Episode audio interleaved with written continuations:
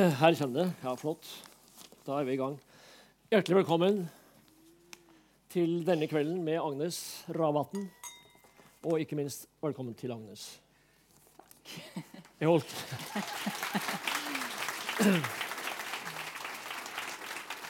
Jeg holdt allerede nå på å si 'Agnes, min deilige sommerfugl'.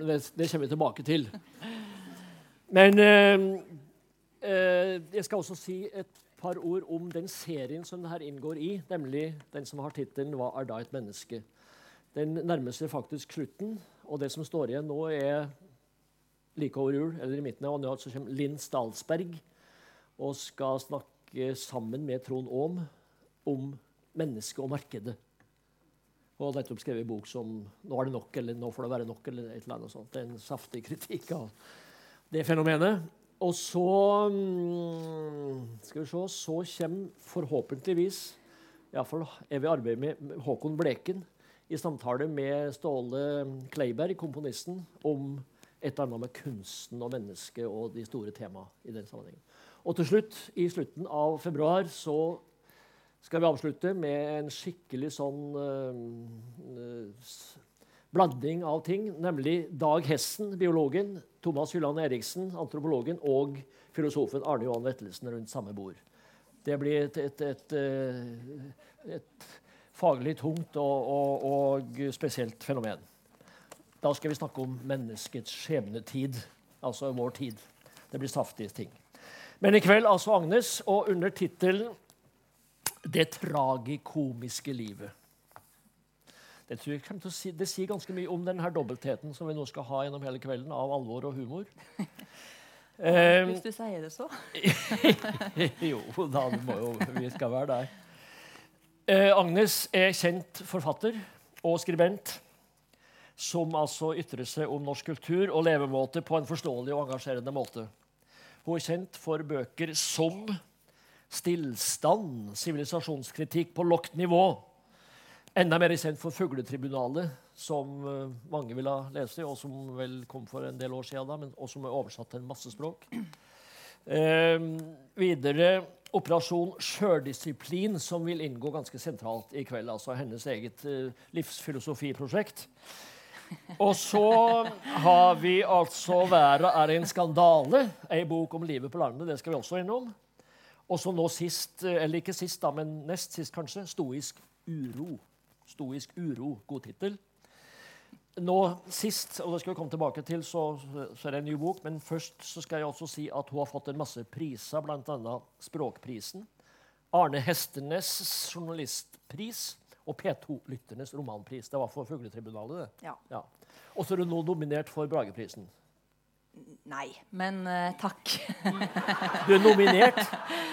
Nei. Ikke? Nei. Ja, det Men uh, den langt mer uh, folkelige bokhandlerprisen. Er det den, ja? ja da får vi det er den okay. som er verdt å få. Det er den som har stått, ja. Det er klart. Det er klart. Neida, og Det som hun særlig da, og som vi skal nærme oss i kveld, det er jo det at hun har altså klare synspunkt på moderne hverdagsliv og strevet vårt med å få livet til å gå opp. Få livet til å gå opp, altså. Det er der vi skal kanskje snøre nettet, altså. Eh, men altså, i kveld skal vi også da, ikke bare også, men først da, snakke om den boka her litt, som nå er rykende fersk, og som det her sånn sett er Ja, når kom den? September. September, altså, ganske ferskt. Ja. Ganske ferskt. De sju dørene. Og Det er da en krimroman som vi skal starte. Og den blir lagt ut her nå for salg og signering. Og det er altså en, en page-turner som de altså ikke må gå glipp av. Så har vi fått lagt inn den skikkelige reklamen her. Ja. Jeg, jeg vippser etterpå. Hovedpersonen her er litteraturprofessor, og vi har mange litteraturvitere i salen. Men altså her er det litteraturprofessor Nina Wisløff som da bruker sitt, sin faglige bakgrunn til å begynne å etterforske ei, ei, ei, ei vanskelig kriminalsak. Så det, der skal vi starte. Eh, men så skal vi altså etter hvert nærme oss da sjølve livsfilosofien til Agnes. Så skål. skål. skål.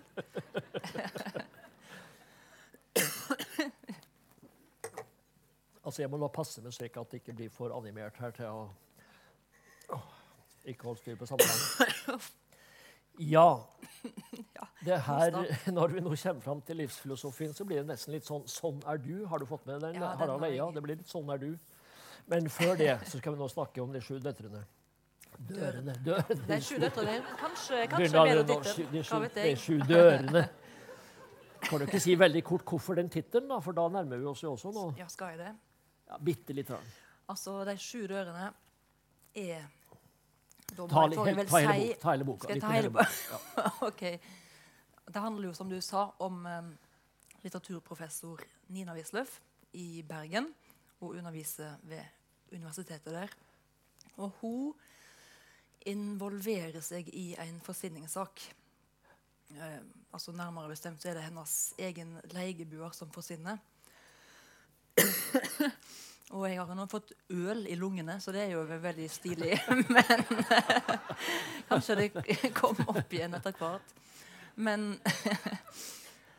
um, hun, parallelt med at leieboeren forsvinner, så uh, ytrer hun seg i en panelsamtale på Litteraturhuset i Bergen om at nei, hun, hun legger fram en teori um, som eh, Det er veldig uklart i hva grad hun egentlig mener det sjøl, men hun, hun uh, sier mitt, altså, avslutter et langt resonnement med at litteraturvitere kanskje like så godt skulle ha jobba i politiet som i, em, på universitetet. Og underforstått å gjøre mer nytte for seg. Uh, jeg tror hun eh, savner kanskje at hennes fagfelt Hun savner at det, hun skulle ønske det var litt mer samfunnsrelevant, rett og slett. og når eh, denne forsvinningssaken da dukker opp rett etter at du har ytra dette, så, eh, så går det jo troll i ord, da. Og hun eh, begynner å nøste i den saken på eget initiativ og, og på egen hånd. Egentlig mest for å sjekke seg sjøl ut av saken, fordi hun og dattera, som er en veldig ufyselig eh, lege på 35 år, som er veldig sjøltilfreds, da. De har en konfrontasjon med denne legebueren. Eh, Fordi eh, dattera til Nina har mer lyst Eller hun har veldig lyst til å overta leiligheten eller bostaden.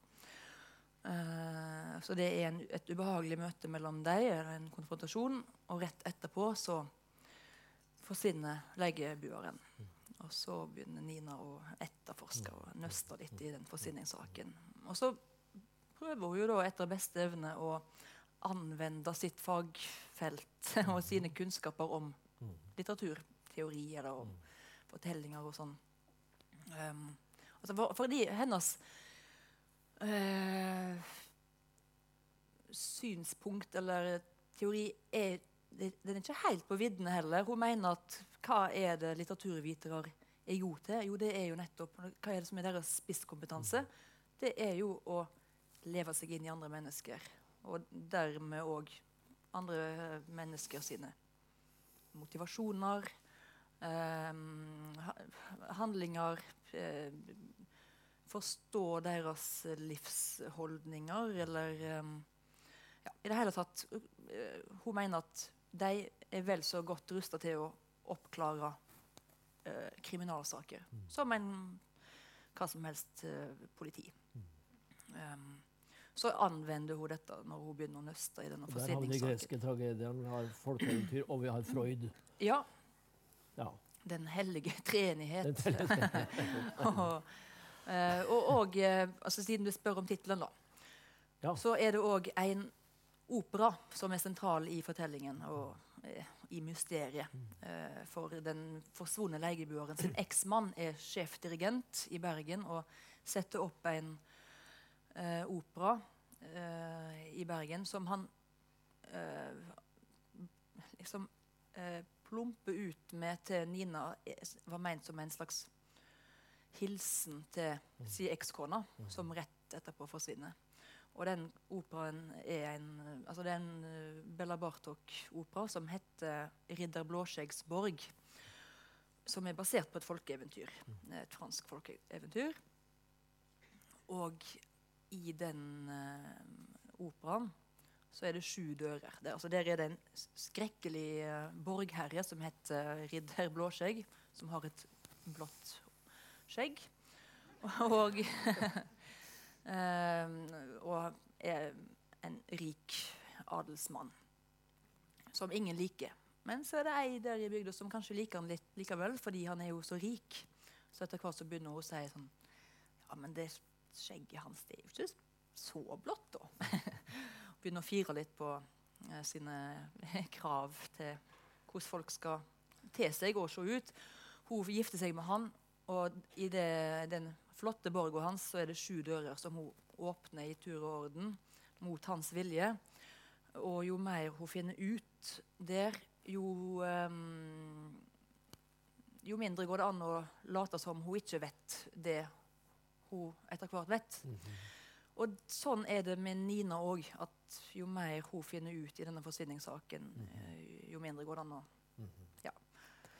Men hun, hun, går jo så å si ifra mistenkt til mistenkt. altså Hun bruker mm. den her fortolkningsbakgrunnen sin veldig aktivt, om det nå handler om uh, det greske eller det klassiske eller om eventyr eller Freud, så, så nøster hun opp og lar seg og, og begynne å mistenke den ene etter den andre. og Nå skal vi ikke få fram den historien, men det, det går jo virkelig tettere og tettere innpå Nina Wisløff sjøl og hennes familie. Ja. Så, det er en sånn, eh, så hun overforbruker nesten det her stoffet sitt til å jakte på mistenke. Er det ikke går å si det? Jo, ja da, men hennes kanskje svakhet uh, eller ulempe som etterforsker er jo nettopp det kanskje at hun er litteraturviter. Mm -hmm. uh, at hun har en veldig sterk hang til de mest liksom, råflotte mm. sporene. Og, eller henger seg lett opp i høgkulturelle mm. uh, ledetråder som kanskje ikke fører helt der som saken faktisk, eller oppklaringa faktisk fører. Men, så det blir hennes blindflekk, tror jeg. da, at um, hos, Det hindrer hun i å se det som er mer opplagt. Mm. Ja, jeg, jeg, ser den. Har du tenkt på å gå inn i politiet? Jeg uh, tenker på det hver, hver dag, jeg. Senest i dag. Ja, du sier jo her i programmet men jeg, men jeg, er bare nordist. Jeg har aldri studert litteraturvitenskap. Så jålete er jeg ikke. Jeg er langt mer snusfornuftig. Det er mange av dem her, altså. Nordister eller litteraturvitere. ja, begge. Nei, Neida, men alle, uh, alle, må være venner i kveld. ja, alle, vi er alle venner. Uh, jeg er jo litt ivrig sånn sett å, i, å drive det her over i din egen livsfilosofi. Så har vi sagt nok nå til å tirre, tirre ja. leseren til boka? For min del ja. kan det være nok, ja. Tirre var feil ord. Det heter eh, trigge. Eh, trigge, trigge ja. Trigge, ja. Jeg tror det går litt for det samme. um, du, du, sier også i programformuleringa her for kvelden at hva kan de greske tragedier fortelle oss om det moderne menneskets strev etter kontroll og tilfredsstillelse? Og hva ville Freud ha sagt om metoo? ja. Kan vi skyve ja, begge Jeg hadde jo aldri skrevet det hvis det ikke var for at du faktisk ba meg om å skrive en program som ja. var som å få en stiloppgave.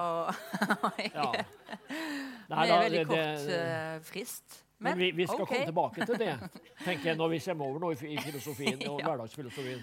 For der vil jo alt det her komme til sin rett. altså. Også metoo. Ja.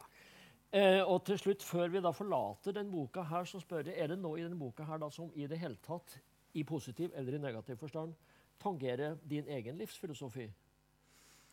Ja, altså i den grad jeg har en livsfilosofi, noe jeg stiller meg veldig tvilende til. um, syns du jeg har en livsfilosofi etter å ha lest noen av bøkene mine? Nei, det må være liksom dobbeltheten, eller altså mangfoldet, og at, at du også uh, havner jo på en måte mer og mer Det tenkte jeg å gjøre til et sånn, en rosende omtale. da, på en måte, altså det ja. at, at, at, du, at, det er sammensatt, din livsfilosofi. Ja. Og sånn er det kanskje med, med Nina Wisløff også. Det er veldig mm. mangfoldig. og ja. Mm. Uh, ja, jeg tror du har rett at jeg uh, Jeg syns jo at mennesket er veldig mangfoldig mm. og har veldig mange muligheter og er veldig tøyelige. Mm.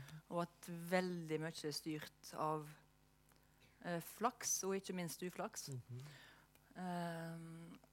der kommer jo kanskje òg de greske tragediene inn. -hmm. Eh, og det er ikke helt, altså, Hvis vi likevel ikke skal forlate de sju dørene helt, da, så, så er det ikke helt tilfeldig at Nina Wisløff sitt eh, hovedinteressefelt som litteraturprofessor er de greske tragediene. Fordi de eh, altså eh, ikke bare prøver eh, Ja, du kalte det jo krimroman, mens jeg vil kalle det en mo Ja. gre moderne gre norsk-gresk tragedie. Eller OK, krimtragedie, da. ja. Men den er forsøkt bygd opp etter Raskolnikov er også krim. Ja, ikke sant? Ja. Ja, nettopp. Uh, det er veldig masse som er krim. Det er mange av altså, Det er veldig Bibelhistoriene altså, Jeg jeg kjøper ikke det, det, altså, Sjanger er ikke så veldig interessant, egentlig. Men, men um, jeg merker jo det med denne boka her, at det er Det virker som det er en del folk som syns at jeg liksom har slutta meg til the dark side ved å skrive om en, uh, en amatøretterforsking, og der det er et, en forbrytelse og sånn. Mens det er det jo i ganske mange historier, da. Men problemet er kanskje at, at krim på en måte per definisjon er uh, lett underholdning uh, og ikke så veldig viktig sånn eh, Det er ikke så mye mer. Mens det kommer jo helt an på boka, det. En, en kan Så, sånn gjøre Sånn tenkte ikke jeg. Hva sa du? Sånn tenkte ikke jeg. Nei, hva tenkte Nei. du? Nei, jeg tenkte nettopp at det her var flere sider. Altså det, Mm. det er det er faget hennes, men det er livet, det er relasjoner, det er psykologi, det er skjebne. Det er eh, alle ingredienser på en måte i, i, en, en, i en god roman, sånn sett. Ja. Takk. Ja. Nei, men jeg, jeg er helt enig, og, og selv om Altså, ja, jeg, jeg har pakka inn mye interessant, interessant kunnskap og inn i en uh, Inn i et mysterium. Og, um, og det virker som det faller noen tungt for brystet. Det, mm. at det å skrive eh, krim da er tarvelig. Mm. Men det mm, Altså Alle slags bøker kan være tarvelige. Det, det er, sjanger er ikke så veldig viktig for meg. Det som er viktig, er jo om bøker er gode eller dårlige. Um, ja, men jeg- det er jo veldig mange som, som unnskylder krimsjangeren med at den, den tar opp eh, samfunnsproblem, eller en, noen mener at krimsjangeren har avløst uh, bibelhistoriene. Det er liksom der en behandler godt og ondt og moralske spørsmål i dag. Men det er vel i ganske varierende grad, vil jeg tro, at jeg gjør det. Men selvsagt så kan en gjøre det, òg i en krimroman. Slutten Mm. på boka er jo det, noe av det mest uh, etisk Ja, reflekterte. ja, Nå skal vi kanskje ikke Nei. avsløre hva det handler om, men det handler jo om forsoning, skyld eh, ja. Ja. ja, og der blir jo personene som er med i slutten, Ja. stilt overfor et veldig ekte dilemma, sp spør du meg. Og, uh, der det ikke er helt opplagt hva som er, er rett å gjøre, faktisk. Det er ganske tunge argument på, på hver side. Og så Det er også åpent hensyn til hva som faktisk skjer. Ja Ikke helt åpent, vil jeg si. Men eh, Nei. lese leser den en gang til, du. Ja, jeg så må, kanskje gikk litt fort i svingene for deg, det. Husk på at jeg har lest hele forfatterskapet nå. altså Det går Ja, helt rundt i hodet mitt med Ja da. Så derfor så må vi over på det som jeg eh, Når eh, jeg er litt ivrig på det, så er det jo også fordi at det vi nå skal kalle hverdagsfilosofien, henger så nøye sammen med den overordna ramma for den serien. Var da et menneske? For det syns jo du rammer veldig der, også i denne boka her, det må jeg si. Men uh, enda mer sånn tydelig i, i de andre. Og det er vel kanskje særlig Operasjon sjøldisiplin og uh, stoisk uro som jeg har hatt stor glede av i så måte. Eh, for, fordi, nå skal vi over på de her store temaene som du faktisk altså tar opp. I, og det handler om i, fra hverdagsliv og til de store eksistensielle spørsmål. Og det syns jeg også er veldig flott. Spenn altså i det. Fra de små daglige ting og til de store. Eh, punkt nummer én er sjøldisiplin. Kutt. Lyd. Snutt.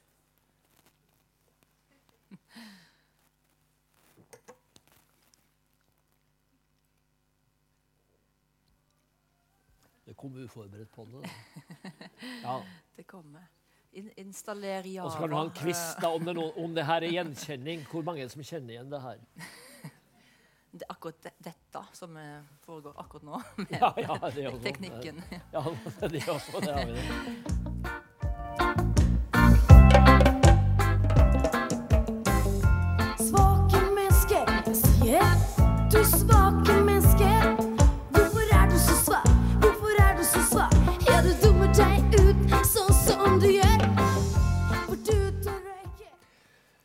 Har du hørt den? Ja. Og du har den?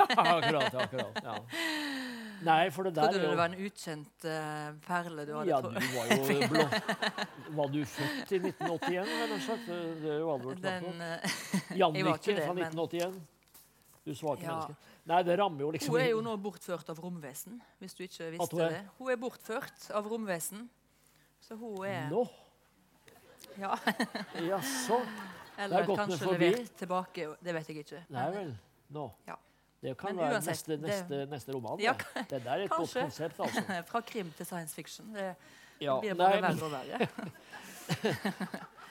For det du påberoper deg sjøl, er jo denne mm, altså Du snakker om ei hengemyr av dødssynder, og la oss nå bade litt i vår felles allmennmenneskelige svakhet, liksom, og, og din spesielt. For du, du skriver jo om det. Eh, så hva er det Du er vel ikke verre enn de andre? Mm, nei. Eh, jo, jeg, er, jeg tror jeg er litt verre enn de andre. Ja, jeg tror Jeg tror jeg, altså.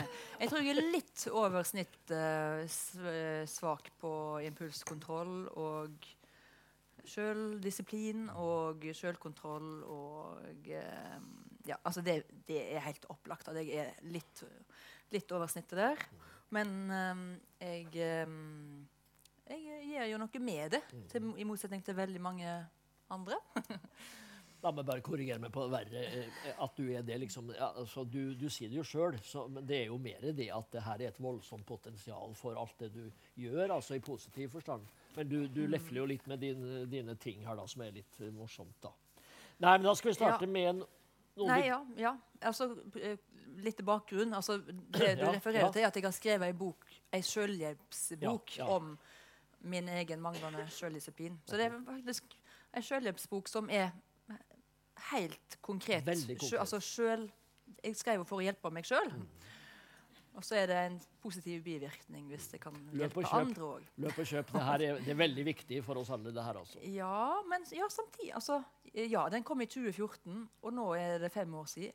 Og jeg er eller i alle fall på vegne av de generasjonene etter meg, så syns jeg nesten det har Kanskje kan ha tippa over i det, Hadde du tenkt å si det? Nei, nei, nei. nei.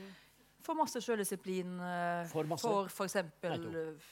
ja, 18-åringer. Vi skal komme tilbake til det. Okay, Ja, ja. Nei, for det, det, det, er ikke vanskelig å se det der. Men i, i, i ditt liv har du, har du hatt glede av det. ja det er faktisk veldig stor glede av det. Ja. Eh, ja. Eh, eh, flere fenomen som vi nå skal kikke litt på. da. Altså viljestyrken. Det skriver du jo veldig om, og du snakker til og med om viljestyrkemuskelen. Og der har du egentlig to budskap, det er, eller to um, anslag. Det ene er å trene viljestyrkemuskelen, og det andre er å spare den. Fortell litt om det. Det, ja, et, altså, det er ikke spesielt omstridt at en kan snakke om en viljestyrkemuskel. Altså, eh, det er Selvsagt i overført betydning. Da. Det er jo ikke en faktisk muskel i hjernen. Men, men eh, en, en har viljestyrke. Og så har jo da folk veldig lyst til å spørre Spør ofte hvordan kan jeg trene opp viljestyrken. Så, altså, en snakker om en muskel siden det da heter styrke. Viljestyrke. Og da er folk sin uh, umiddelbare drøm å trene den til å bli enda sterkere og få sterkere Ja, rett og slett. Hvordan kan en trene opp viljestyrkemuskelen? Og så viser da tenking. um, ja, ikke spesielt omstridt det heller. At det er ikke så veldig mye å hente på det. Du, de, en tror at folk er utstyrt med en viss porsjon viljestyrke. Um, og så handler det mer om å ikke bruke den opp. Altså, en kan ikke Spare. den. Ja. Og det er helt, sånn, helt konkret i løpet av en dag. Altså, Det starter fra du står opp. Hvis det første du gjør, er å Å, hva skal jeg ha til frokost i dag? Så bruker du den litt. Og så er det skal jeg sykle, skal jeg gå, skal jeg ta bussen, skal jeg ta banen til jobb? Da bruker du litt mer. Og, altså, og før det, hva skal jeg ha på meg? Altså alle små og store valg i løpet av en dag. Eh, til slutt så danner det et utrolig stort eh, antall valg. Og alle små valg tapper litt av viljestyrken. Sånn at mot slutten av dagen så er det faktisk Risikerer du å ja, Når du kommer hjem, da, så kjefter du på ungene dine istedenfor å eh, hjelpe dem eller trøste dem, f.eks. Eller en krangle, initiere en krangel med ektefellen bare fordi en er lei, eller eksplodere i kassen på, på vei hjem fra jobb, og osv. Så, så det som eh, forskning anbefaler, er at en kutter mest mulig ned på små og store valg i løpet av en dag. Altså en, det er, en sparer mye på å etablere vaner og rutiner og alt annet som er kjedelig. Og, og, selv om en gjør det, som spiser det samme til frokost hver dag, går med de samme klærne hver dag, veldig godt tips. og ikke skifte truser, rett og slett. Nei, Nå nærmer vi oss virkelig ting her. Jeg skal skyte inn Ja, at Agnes eh, bruker altså Det her er veldig seriøst, altså. Det er forskningsbasert, som det heter. Forsk veldig forskningsbasert. Med kilder og alt sammen, slik at, uh, at du, Ja du har ditt på det tørre her. Vi kommer nå over til Ingen det neste temaet som er. Er det, er, ja, ok, er det neste Nei. tema? Ja. Nei, ja, jeg bare er, må siden vi snakker om det med Ja. å spare viljestyrken, da, så er det som jeg tror de fleste kjenner seg igjen i, er f.eks. at en sitter Jeg kan tenke meg at mange her eh, sitter ved en pult i løpet av arbeidsdagen og har ting de må gjøre på en datamaskin. Og hver gang en opplever en liten um, veisperring i arbeidet, altså jeg s- s- må st- støtte på et lite problem, jeg vet ikke helt hva en skal ja, En får en e-post, og en må ta stilling til et eller annet, og så er det uh, slitsomt å svare, osv. Da er det veldig lett å enten gå inn på internett bare og sjekke en nettavis, bare for å slippe å forholde seg til arbeidet, eller en sjekker telefonen eller går inn på sosiale medier og sånn. Og det som er mye bedre enn å eh, motstå fristelsen til å gå inn på telefonen, da, for eksempel. Fordi det jo da tapper litt av viljestyrken. Det, altså det å motstå fristelser er En skulle jo tro at det var veldig bra å gjøre det, men det er faktisk òg veldig slitsomt. Veldig slitsomt. Så hvis en istedenfor klarer å bare skjerme seg for fristelsene, f.eks. ved å legge telefonen sin i et annet rom, eh, sånn, men med lyden på, da, sånn at en hvis eh, barnevernet ringer Barnehagen var det kanskje jeg mente.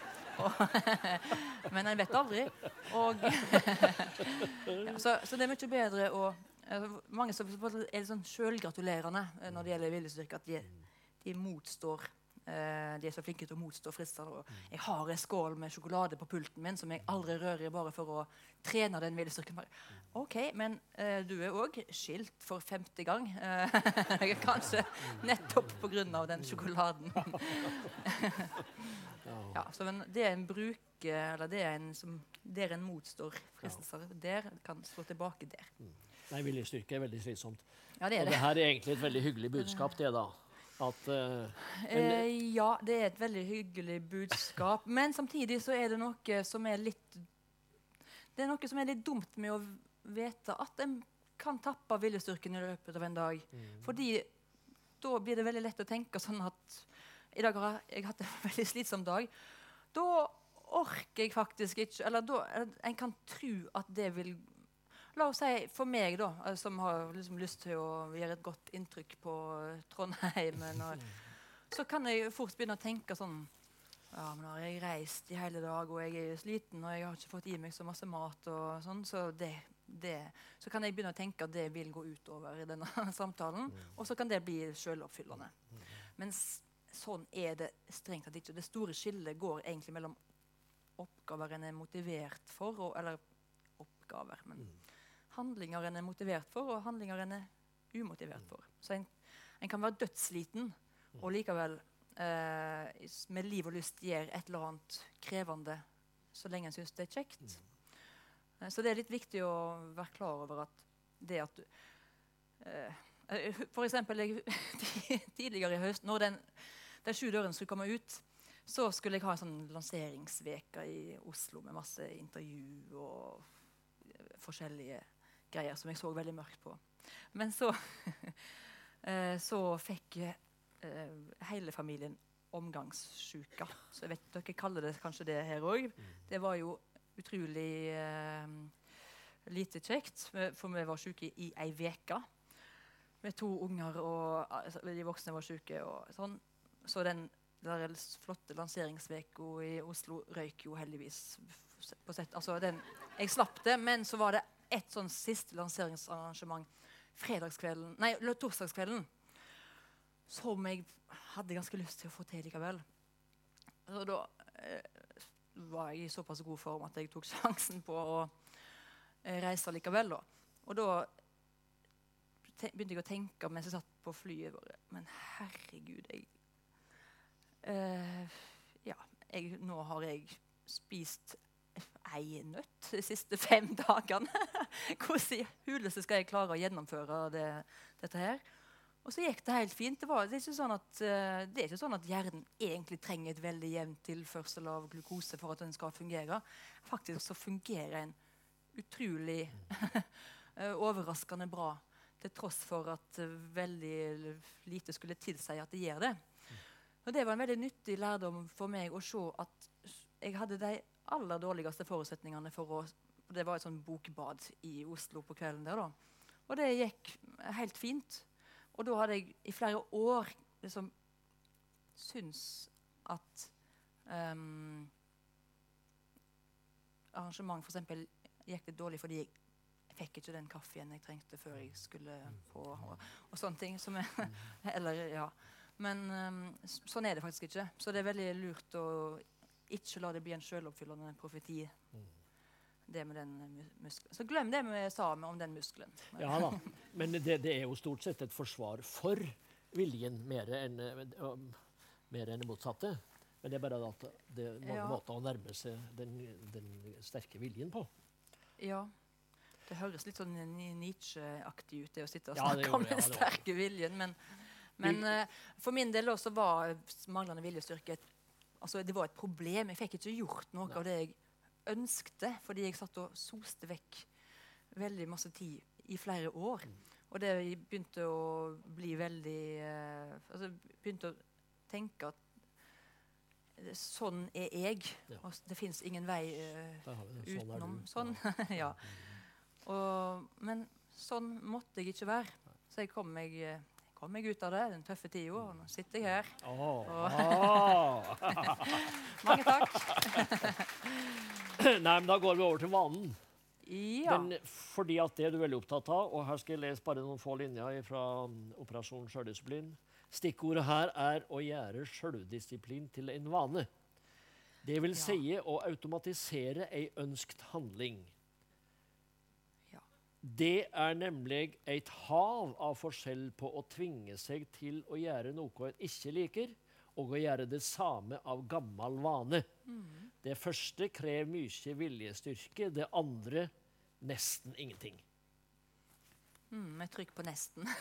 Ja, kanskje? ja. Nei, men altså, den, go- den, den gode vane er et, et godt ja da, helt, helt klart. Men um, der òg så er det sånn at det, ehm, det er veldig krevende å etablere nye vaner. Og det er veldig krevende å kvitte seg med uvaner. Så, vi, så det beste eh, strategien for å kvitte seg med en uvane, er å erstatte uvanen med e- et eller annet som ikke er fullt så negativt for deg. Så for eksempel hvis en i hver lunsj altså Det blir jo veldig sånn sunnhetsapostelaktig. Ikke så veldig interessert i det, men i mangel av et bedre eksempel nå, da. Hvis en i hver lunsjpause har lagt, altså hvis en har lagt seg til en vane å kjøpe en øh, en øh, Ja, hva heter det? En muffins, eksempel. Og en kaffe. Så er det vanskelig å bare kutte det ut. Men hvis en en gang kjøper en kaffe og en Si noe annet. Rundstykke. Rundstykke -hmm. istedenfor. Så, så det blir det lettere å gjøre det neste gang. For jeg klarte det jo sist. Og så neste gang, og så neste gang. Og til slutt så kan en òg kvitte seg helt med det. Men, men de der vanene er overraskende dype grøfter eller spor som en går i. Så det skal noe til å ta et sånt stort eh, rykk opp. Men, men hvis en tar ett og ett steg, så er det enklere. Vi har jo ordtaket 'gammel vane er vond å vende'. Ja da, det stemmer på en prikk. Du har også du har veldig mange gode sånne begrep altså, som jeg merka meg. Decision fatigue. Ja. Valgutmattelse. Eller altså, ja. ja, du, du blir sliten av alle disse valg og beslutninger. Altså, du, Ja. stemmer det. Ja. Ja, så det, og det kan til slutt føre til at en Så det, er, det blir mer og mer altså, eh, Etter hvert som en blir mer og mer uh, utmatta av små og store avgjørelser, så kan det ende i at en bare plutselig tar noen helt impulsive uh, snap judgments som egentlig er veldig dårlige. Et veldig typisk eksempel er for eksempel er, ehm, Vi skulle kjøpe nytt kjøkken på Ikea. Og da er det jo sånn altså Da har en jo Da kommer en der, og så får en en kjøkkenkonsulent, kanskje. Og, så har du antageligvis tegna litt på forhånd og tatt mål av Forhåpentligvis tatt mål av uh, kjøkkenet ditt før du, før du drog. Men der er det sånn Ja, OK. Og, uh, vil, skal dere ha uh, skuffer? Ja. Skal dere ha skuffer i skuffene? Ja. ja. Skal dere ha lys i skuffene i skuffene? Eh, ja Vet ikke helt. Og så, og så mer og mer sånn Hva materiale og hvor eh, mange bestikkskuffer skal det Altså ufattelig mange valg.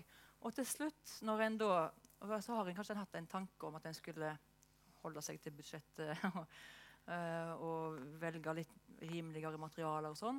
Men til slutt så bare er en så sliten at en går for helt irrasjonelle i- Går for helt andre ting enn hva en hadde tenkt. Og, og der er, der er jeg. Eh, Jeg kan gjøre noen helt sprø. For eksempel en dag så kjøpte jeg kjøpte Playmo for 3000 kroner på, på finn.no.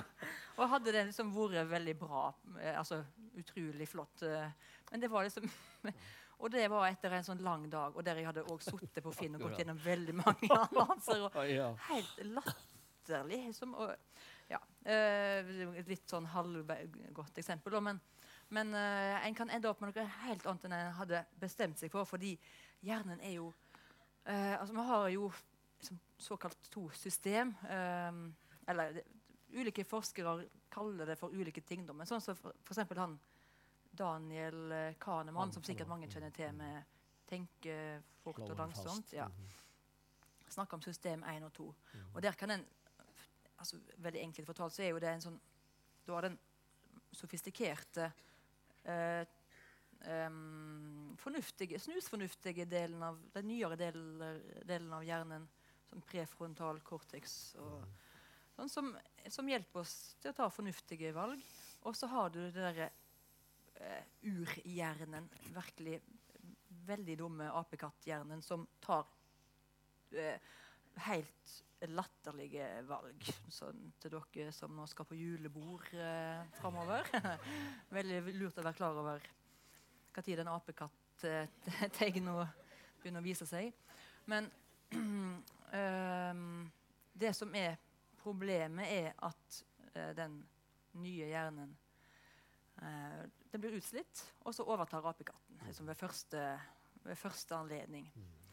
Så er da strategien, eller uh, utfordringa, er å legge bånd på den apekatthjernen. Og hvordan gjør en det?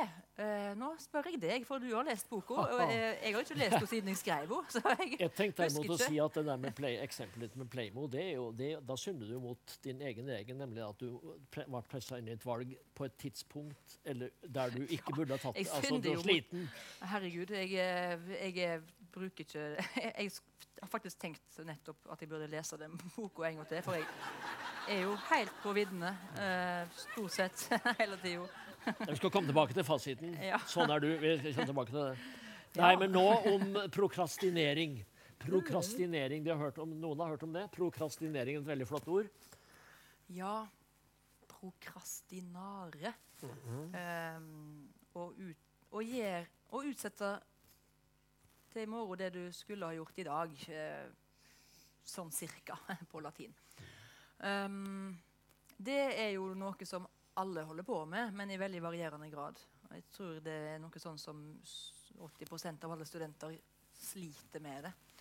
Um, og det er jo fordi de gjerne hvis de er masterstudenter, da, så har de kjempestore oppgaver foran seg, men de har òg ganske god tid på seg.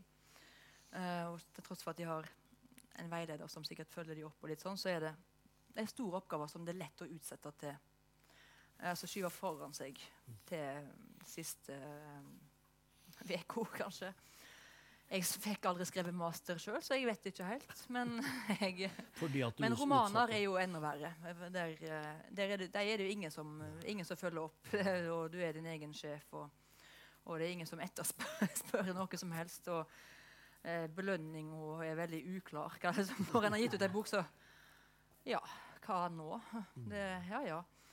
Men um, eh, der Der òg gjelder det jo å legge bånd på denne apekatten som har lyst til å bli underholdt hele tida, og som eh, ja, som syns det er en god idé å spille Candy Crush istedenfor å eh, skrive den rapporten som du egentlig holder på med, osv. Det kan være gode Og- grunner også til å utsette Jo da. Altså. Det kan du si. Nei, men du, eh, tida går. Eh, sånn at jeg tror vi avrunder det her nå som har handla om sjøldisiplin. Det handler jo om eh, Noen andre stikkord er jo avhengighet. Vi har snakka litt om det. eh, faren med det. Konsentrasjonsevne. Planlegging er du veldig opptatt av. Vi sier ikke mer om det. Sjølhjelp eh, kaller du jo boka sjøl. Vi kan jo snakke om Ja. god og dårlig sjølhjelp. Det kan vi, ja. Sjølopptatthet eller eh, eh, Ja, ja da, eh, absolutt. Og det er jo noe Jeg er jo jeg like, minst like ambivalent til å skrive selvhjelpsbok som å skrive krimroman. For det er jo ikke akkurat noen Altså det er jo veldig mye med det derre sjølforbedringstankegangen som er all grunn til å være skeptisk til. Og, eh, men det er jo som med bøker, da, det er veldig forskjell på, på sjølhjelp og og hvis det faktisk identifiserer et problem du har, som gjør hverdagen din verre enn den nødvendigvis hadde trengt å være, så er det jo fint hvis du finner noen verktøy uh, som uh, hjelper deg å få bukt med det problemet. Og som i min selvhjelpsbok, da, så er den um, det, som vikt, det som er viktig for meg med den, var jo at den skulle være Den er verifisert i den forstand at jeg sjøl så lenge jeg følger Så lenge jeg følger mine egne råd, så går det jo bra. Eh, men, mens man, veldig mange av selvhjelpsbøkene er jo sånn uh, at du skal tenke altså liksom Law of attraction. og hvis du, hvis du sliter med noe, så er det fordi du har en, vært for negativ. og Sånne eh, veldig dumme ting, da. Men men òg at en Det er veldig mye sånn uh, for eksempel på sjøldisiplinsområdet da, så er det en vanlig altså En gjenganger i den litteraturen er ja, du har problemer med sjøldisiplin fordi du er perfeksjonist. Uh, så det blir aldri bra nok, det du gjør. Så derfor utsetter du. Og, sånn. og i mitt tilfelle eh, Nei. Jeg er virkelig ingen perfeksjonist. Jeg har bare veldig lav impulskontroll.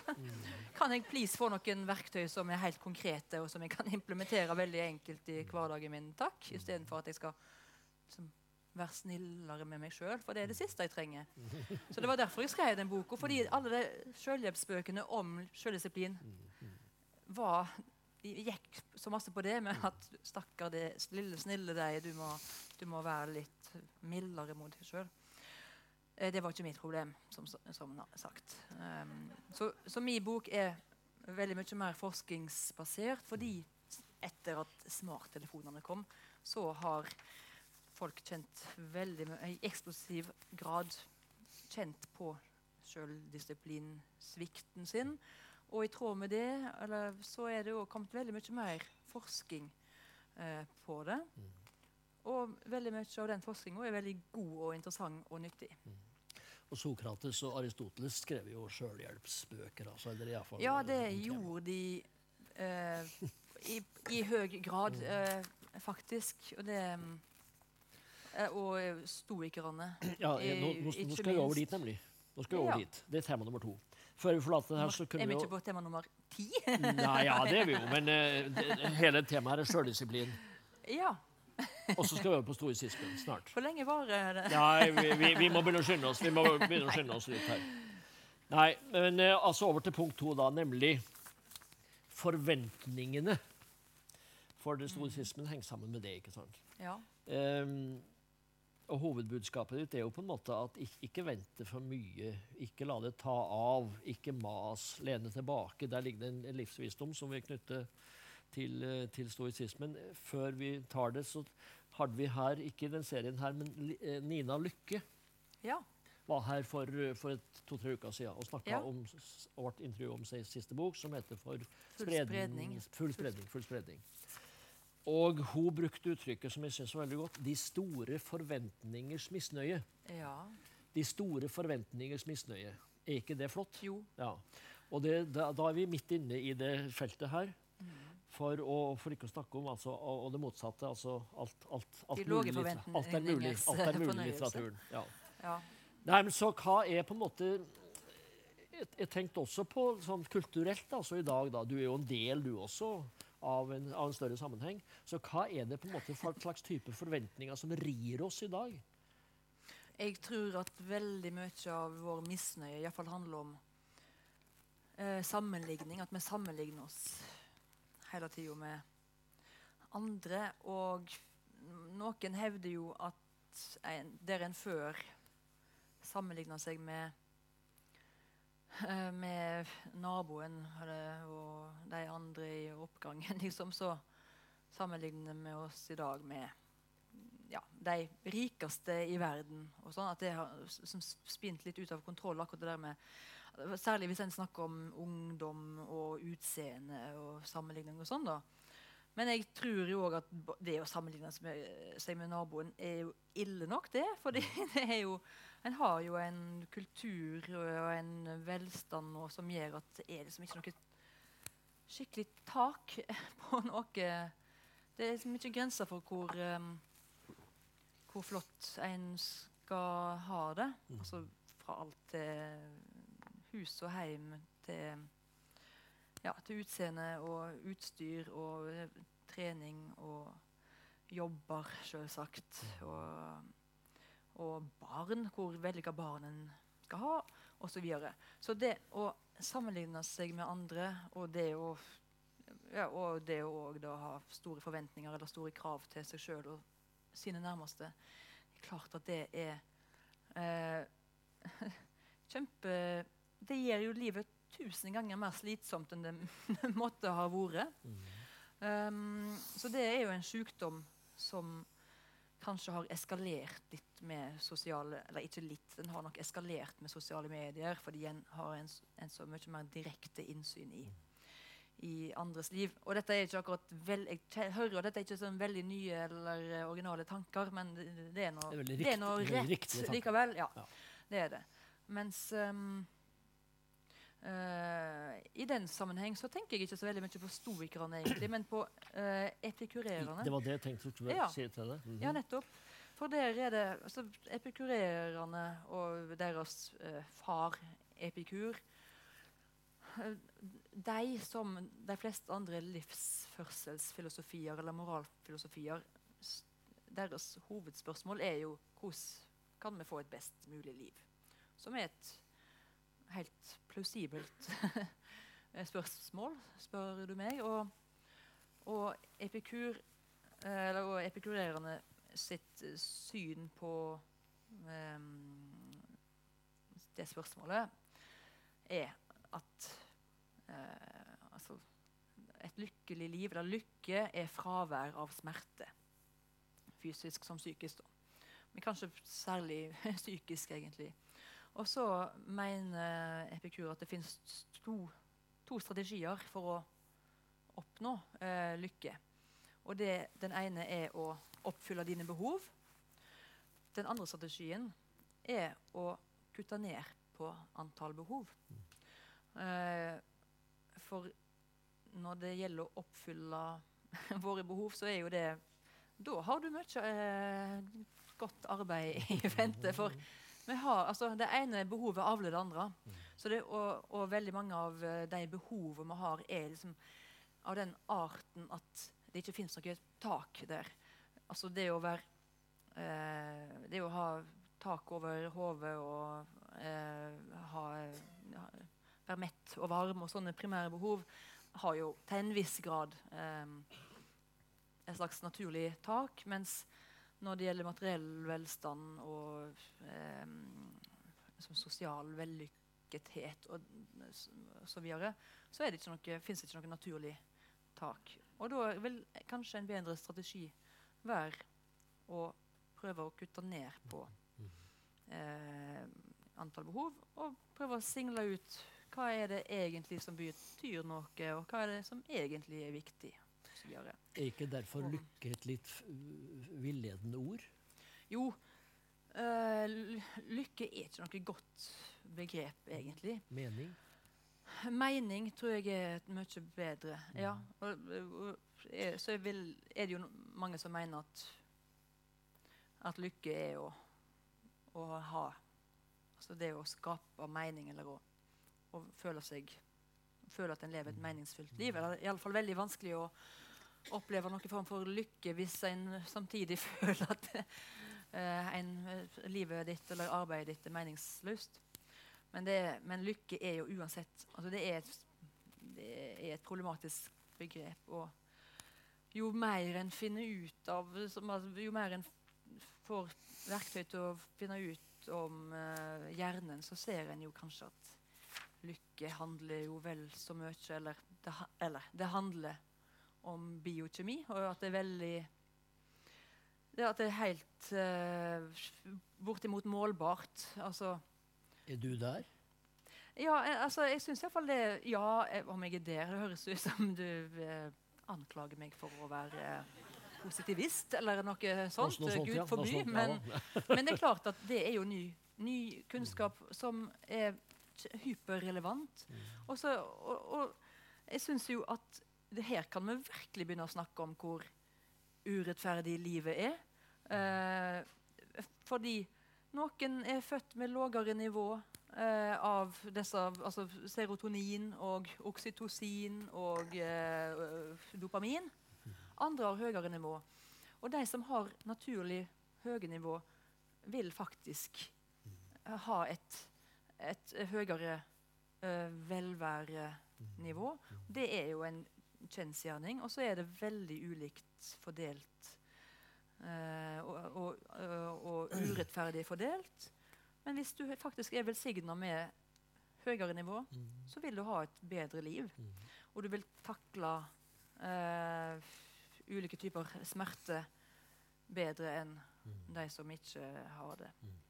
Så vidt jeg har lest meg til. Da, ja, ja. det er helt åpenbart riktig det der i lesning. Men vi skal altså over på kirkegården da snart, ikke sant? bare for å få en slags ja. sånn uh, enda et For da skjønner du hvordan epikur eh, kan få sine problem.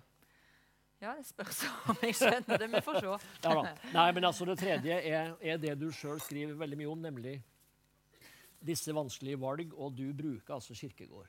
Ja. Og så ber jeg deg om å raskt fortelle om hans tre forskjellige nivå, som du ja. reflekterer veldig mye omkring. Ja. Uh, og det er altså med det forbeholdet at uh, både det jeg har lest uh, er forenkla, og ikke minst at jeg sjøl har forenkla det ytterligere. Jeg sa, jeg sa ikke det. Nei. Nei, jeg sier det. Men, men en kan jo snakke om Kirkegårds stadielære, som er tre hovedstadier, og så er det to mellomstadier. Sånn at det er fem til sammen.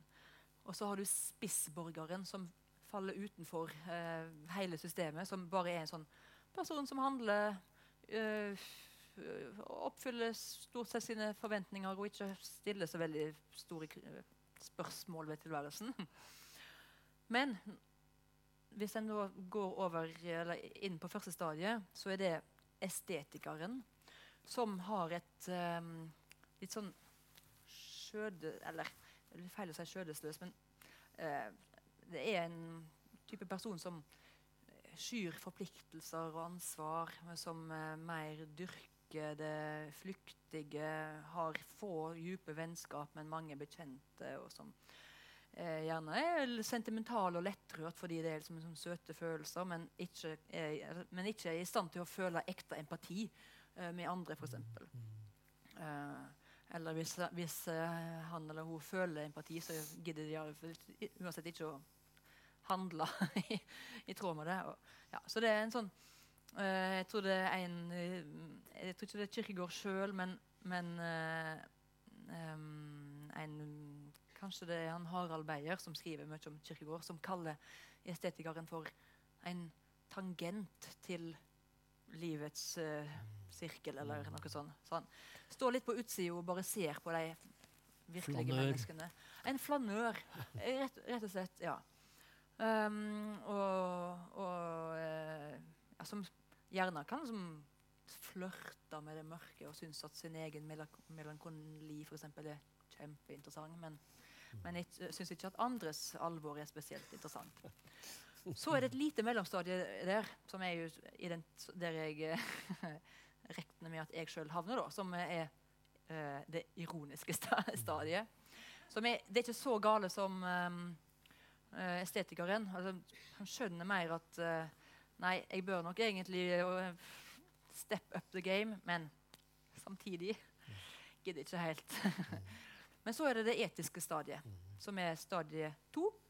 Eh, som nettopp er en En etiker er en person som, som tar uh, livet som en utfordring og um, tar, uh, tar ansvar for seg sjøl og for andre, og som forplikter seg. Um, um, der begrep som solidaritet eksempel, vil være sentrale. Og det å ehm, fyll gjerne ut eh, Nei, bare gjør det ferdig med nivået. så kan vi dere komme skjønner, tilbake. dere Ja, skjønner. ja. Og kort om Så- det religiøse. Så er det det religiøse, som jo er for meg ganske eh, ko-ko. For, eh, det, for det, det er jo det ypperste spranget for Kirkegård, som er jo veldig djupt religiøs. Men hans resonnement, eller at, hans tanke er at det å For det er å velge Gud. Eh, Kasta seg ut på 70 000 favners dyp, og sånn som dere har hørt. Nettopp fordi det er så irrasjonelt å tro på noe så utroverdig som Gud. Nettopp derfor skal en gjøre det. En litt sprø logikk, syns jeg, da. Men eh, Så jeg prøvde aldri Nei, jeg- det- Jeg, jeg gadd ikke helt å prøve meg på det religiøse stadiet. Men mitt prosjekt her da var å ta spranget fra det estetiske til det etiske. Og det skal vi snakke litt om. Fordi Ja. at der eh, er du opptatt av en masse sånne hverdagsbeslutninger som du da er nødt til å ta, og som du føler at du har unnlatt eller unn, unnfallende i forhold til det. Blant Ja. annet så havner du eh, La oss ta det hverdagsvalg først, før vi kommer til frieriet. Ja. Men er hverdagsvalg først. Ja. Mm. Hva er det du sjøl syns du har strevd med å, å fatte beslutninger på i din egen hverdag? I det siste nå? Eller Nei, i den. Hva er det som er liksom jeg, tilfanget? jeg husker jo at jeg i eh, Altså i den, Dette var en artikkelserie da, som ble eh, utgitt i bokform. og mm, Den ene artikkelen handler mer sånn om, om klima mm, og miljøspørsmål. og det å, som, som endte med at jeg bestilte et par veganske tøfler på internett. Det var kanskje ikke det mest imponerende. Veganske, Veganske, ja. tøf- tøfler? Jeg tror de var lagd av trøfler? Nei, og trøfler, veganske trøfler eh, tror jeg fins. Ja. For jeg tror ikke trøffel er dyr, men Men, um, men jeg tror det var noen tøfler som var lagd av eh, oh ja, akkurat. altså papp. Bære, bærekraftige fibre. Kjempegode. Ja. Ja, men eh, nei, det, den Uff, det, jeg husker Så det var etisk, det var etisk refleksjon og etisk valg. Ja. Et tungt og vanskelig valg. Veldig tungt. Ja. Eller uh, Jeg husker at jeg òg skulle Altså, når en først har bestemt seg for å være etiker, da, så må en jo bare Da må en For hvert Mm. minste valg så må en tenke Ja, hvem er jeg, og hva vil jeg være? Og skal jeg ta ansvar for meg sjøl og verden, eller skal jeg ikke? Mm. Skal jeg velge det som er lett, eller skal jeg velge det som er litt vanskeligere? Men Men en det, å, for eksempel, det å velge å, å um, gå til en økologisk frisør ble for vanskelig. Fordi jeg var redd for å se ut som han derre Hvis dere husker det renessansemaleriet med han som er lagd av all sånn frukt. det det var det som hindra meg fra Ah, ja. Ja, å gå til ja. Men um, jeg ble jo etiker til slutt. Er du ikke enig? De, jo, og særlig med de eksemplene som du gir nå. Fordi at Ja. Ellers så var det jo en del sånne hverdagsvalg som der du nærmest bare trena opp beslutning som ikke hadde så veldig sånn etisk retning. Men det du Nei. nevner nå, er jo veldig sånn Det er jo ikke gå til økologisk frisør. Men ja, Men så tar vi frieriet. Ja, og det har jeg reflektert over. For, Ja. jeg, for Kirkegård er jo litt sånn uh, Han var jo verdens verste frier sjøl. Han uh, holdt hun stakkars Hva heter hun? Ja, på gras og klarte ikke å bestemme seg. Men, men han mener at ekteskapet f.eks. Er, er, er virkelig etikerens domene. Det, det er rett å for, forplikte seg til én person. så jeg eh, fridde til min eh, nåværende mann, ektemann, eh, på Matterhorn i Disneyland. Ikke i Sveits. Men, men, men, Det var etisk. så, etisk. men etterpå så innså jeg jo at det var hyperestetisk. for jeg gjorde det jo egentlig bare for å ha noe å skrive om i neste tekst i til avisa i den artikkelserien. Men vi er gift nå og Ja. har det veldig bra. Og uh, har barn og 22 sauer. Og det er Som, eh, men det er etisk. ikke jeg som har født dem, da. Men jeg før de. og det, ja, er det etisk? Det kan en jo Altså, Våre sauer har det jo utrolig Nå tenkte jeg mer på frieriet. og- Ja. ja. Takk. Og, og, og det etiske der, det vil jo nå komme i det øyeblikket det, det valget som du har hatt begynner å røyne på. vet du. Det er jo da det virkelig etiske uh, dilemmaet oppstår. Ja, Ja, ja jeg, jeg, jeg, jeg, jeg vet litt om det der. Uff. Altså, Nei, men da skal 13 vi år tar nærme det oss. fra en gifte seg til en skylde seg i Norge. 13 år. Er, det snittet? Mm. snittet? Ja. Jeg holdt i 24. jeg. Jeg gifta meg når jeg var 34 30, Så da 47 ble jeg, da. Eller Ja. når, jeg, mhm, mhm, mhm. når jeg sitter Ja, der. ja. Nyskilt. Du må ikke, du vet, Kirkegård har veldig sånn angst for at forventningene eller Det var noe med faren hans, ikke sant? Altså, Ja. at han skulle få samme skjebne. Du må ikke begynne å tenke sånn. altså. 13 år, Nei. og så begynner liksom også å det stramme seg til. det Nei, det må du passe deg for. ja, selvoppfyllende profetier er Nei, men da eh, skal vi begynne å avrunde her, og så så er vel en ja. Vi konklusjon dropper, dropper Freud og metoo, eksempel. Det, Ja, det er jeg veldig for. vel, vel, vel. vel. Ja da, men kort, kort, kort, om, kort om metoo helt til slutt. Nei, ja. Men nå tenkte jeg bare at vi skulle sneie innom Brann og Ibsen. Har ikke lest. Nei, nei, nei, det er ikke det. Nei, du vet nok om det. Nei, men altså, det det, det skal handle om er, altså, det, det er jo slitsomt med alt dette alvoret ikke sant, og beslutninger. Det har vi snakka om. ikke sant? Det er jo fryktelig slitsomt. Um, og så er det jo også sånn da, at det er jo nok av problem med ikke minst sånn i moralfilosofien, ikke sant, om alle disse store prosjekta og disse absolutter og Mm. store ismer og, og, og altså, det alvoret kan, kan, kan føre oss hen. Ja. Altså ut i, i, i, i vanviddet, så å si. Og det er jo der Ibsens brann kommer inn. Ikke? Og Ja. det er jo der Agnes nå kommer. ikke sant? Det er jo der Agnes kommer nå. Nei, fordi at altså Brann går jo under ikke sant? Den bukker jo under under alt dette voldsomme alvoret og disse absolutter. Mens han som da sier dette kjente ikke sant, i Agnes, deilige Agnes, min sommerfugl. deilige sommerfugl, deg vil jeg levende ja, fange. Er ikke flott? Og det Ja. er da nemlig Lekende fange. lek... Men også levende, men også levende. Det hørtes veldig biologisk ut. Jeg ville levende Ja, fange. Lekende fange. Nei da, men det er Einar, og, og da tenker jeg at Einar er jo da estetikeren her, ikke sant, med dette lekende, lette. Mens Ja. Agnes derimot går jo med brann Ja. inn i avgrunnen, altså. Så det må du Og da tenker jeg Ja. liksom at vår Hva mener du jeg skal velge? Ja, ja. Nei, vår Agnes. Og da Mhm. kommer vi jo til 'Sånn er du'. ja. Eh, altså Vår Agnes, tenker jeg, er, er prega av eh, altså mangfold. Må, noen må ta notater. eh, Ja, ja, ja. ja. Jeg må se mine egne notater først. Nei, men altså, Du er jo ikke bare et dobbeltmenneske, men du er et, et mangesidig menneske som både etter egen oppfatning er svak, men også sterk. Ikke sant? Du er jo Ja. Og du er unnfallende i følge, men du er også sta. Og, og, og, jo, du er jo det. Du, Jo er jo da, det, ok. du er det, vet du. Og du er stadig søkende, til tross for ikke å komme fram til det. Ja. Du blir dratt mot det religiøse stadium, så iallfall mot det etiske sta Mm. stadium. Så sånn sett så søker du også oppover og framover. Altså det, det, så sånn sett så er det her sånn du er, og det her er en eh, kompliment og en stor attest, altså, fra min side. Jeg Så- sier tusen takk. Det, så den beskrivelsen syns vi kan klappe for.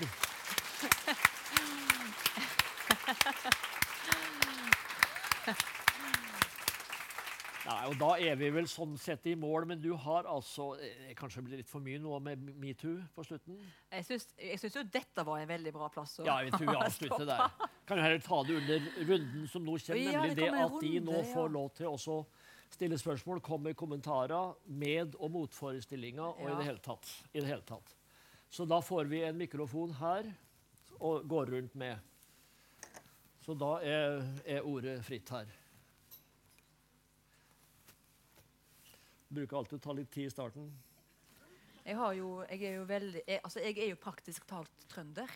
Er jeg er representert eh, Eller ikke representert med, for jeg er jo òg her. Men eh, jeg har jo veldig mange familiemedlemmer her Ja, i du. salen i kveld. Og de må jo stille spørsmål. Ja.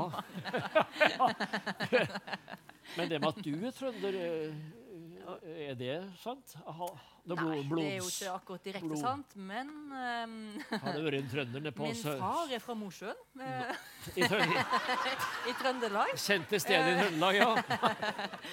Nei da, men jeg har en onkel, en tante, en onkel til. ja. Jeg er to søskenbarn. Eh, har jeg mer? Eh, Halve slekta er i salen her. ja. Ja. Um, ja. Nei, men det ja mens, kvalifiserer det altså, der. mens smalltalk mens vi venter på Ja, gjør det. Da har du fått tenkt dere om her. Altså, det her handler jo om vår felles hverdag. Vær så god.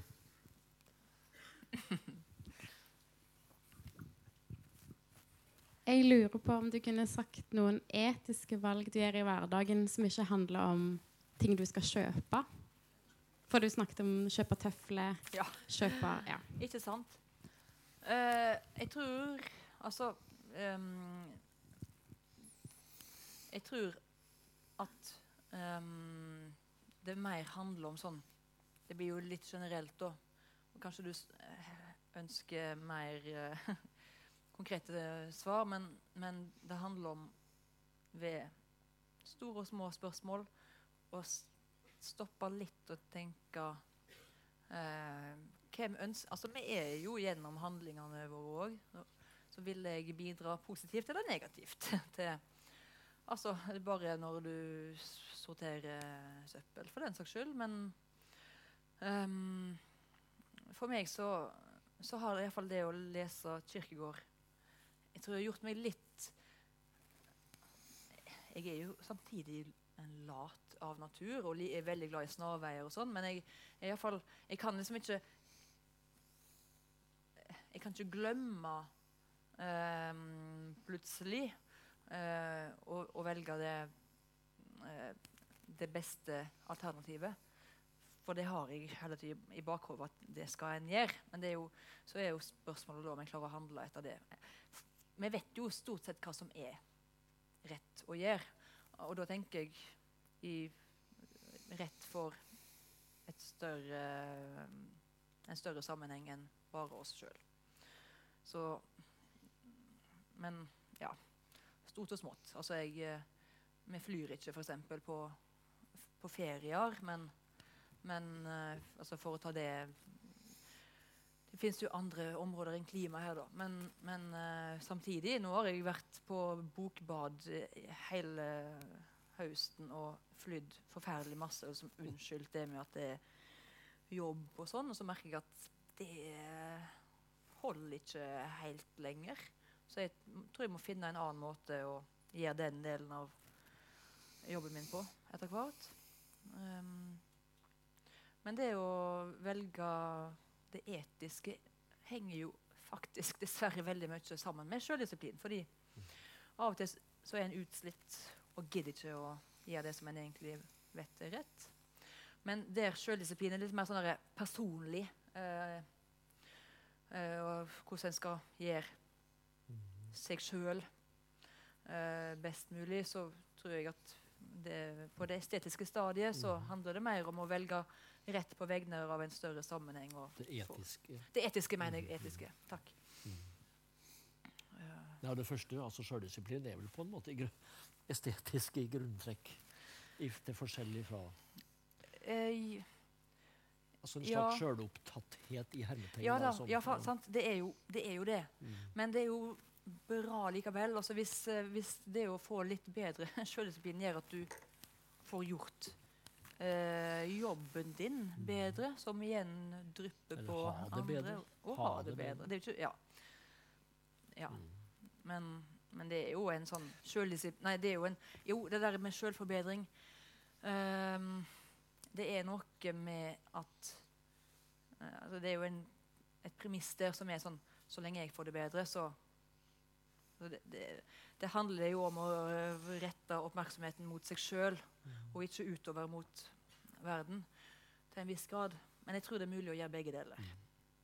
Ja, det er to det, Å ha det godt og gjøre det gode. Ja. Ja vel. Der har vi en bak der, som jeg til og med vet navnet på. Hva, hva er det da?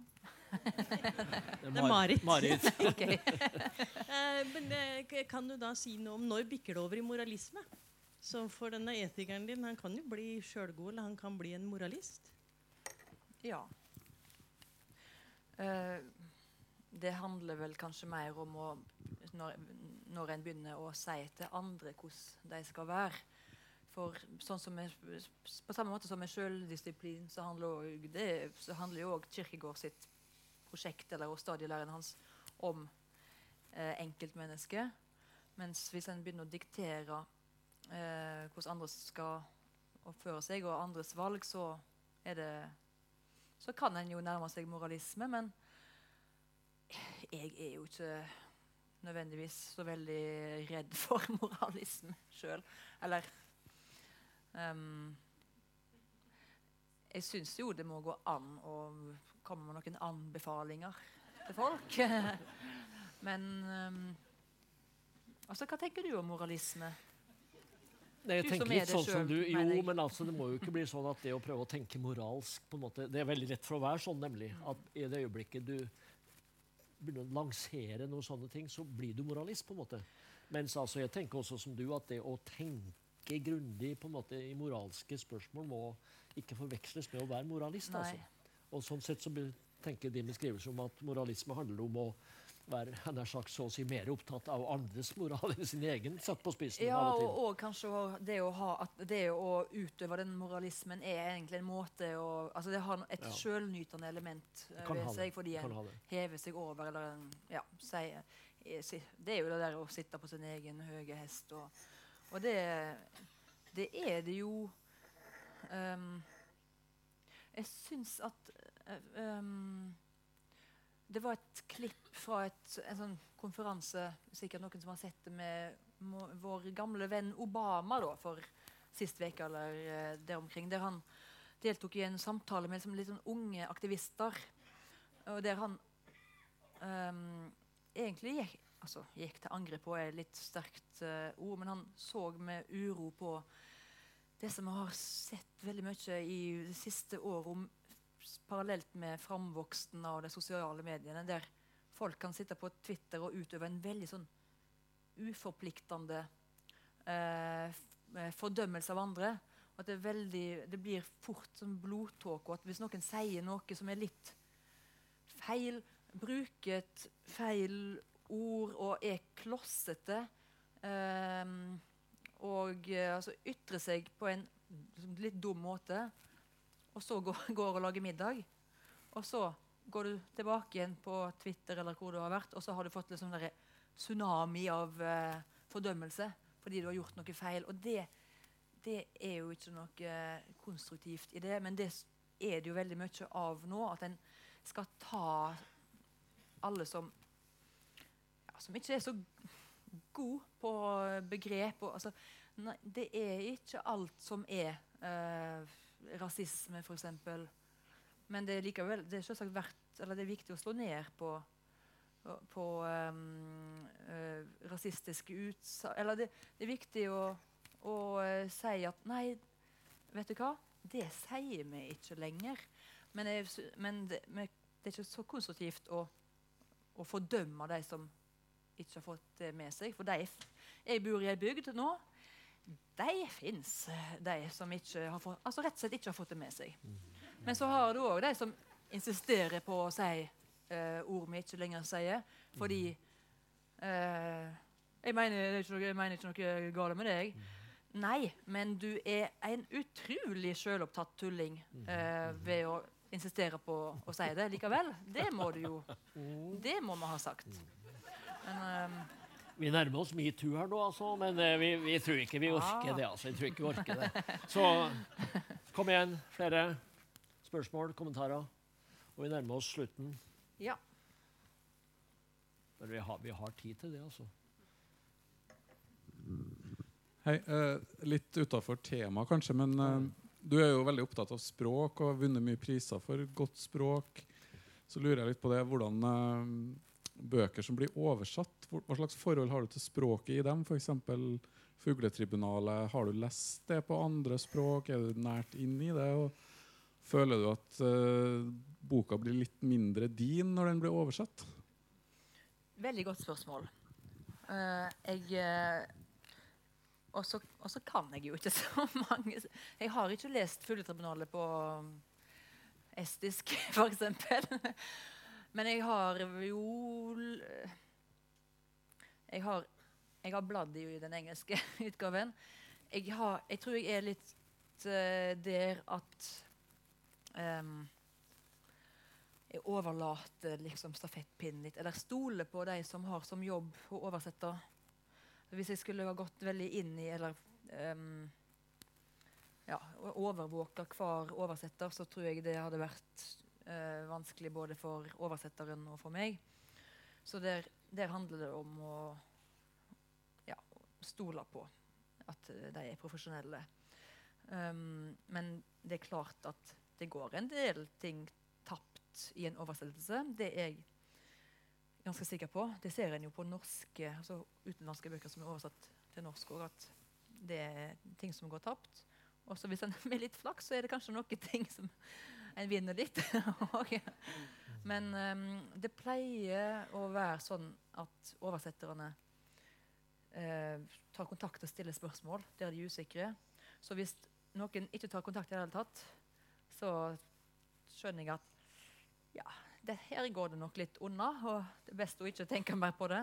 Mens f.eks. den engelske oversetteren da stilte veldig sånn uh, gode spørsmål på, om passasjer som jeg visste var litt uoversettelige. Sånn at jeg skjønte at hun her er nøyaktig og etterrettelig og kommer til å gjøre en veldig god jobb. Det, men et godt spørsmål. Vi skal vel ikke ta komma-debatten? Jo, la oss. Kjempekonstruktiv debatt. Ja. Nei, vi får heller eh, ta det etiske og det estetiske her i Så Siste sjanse.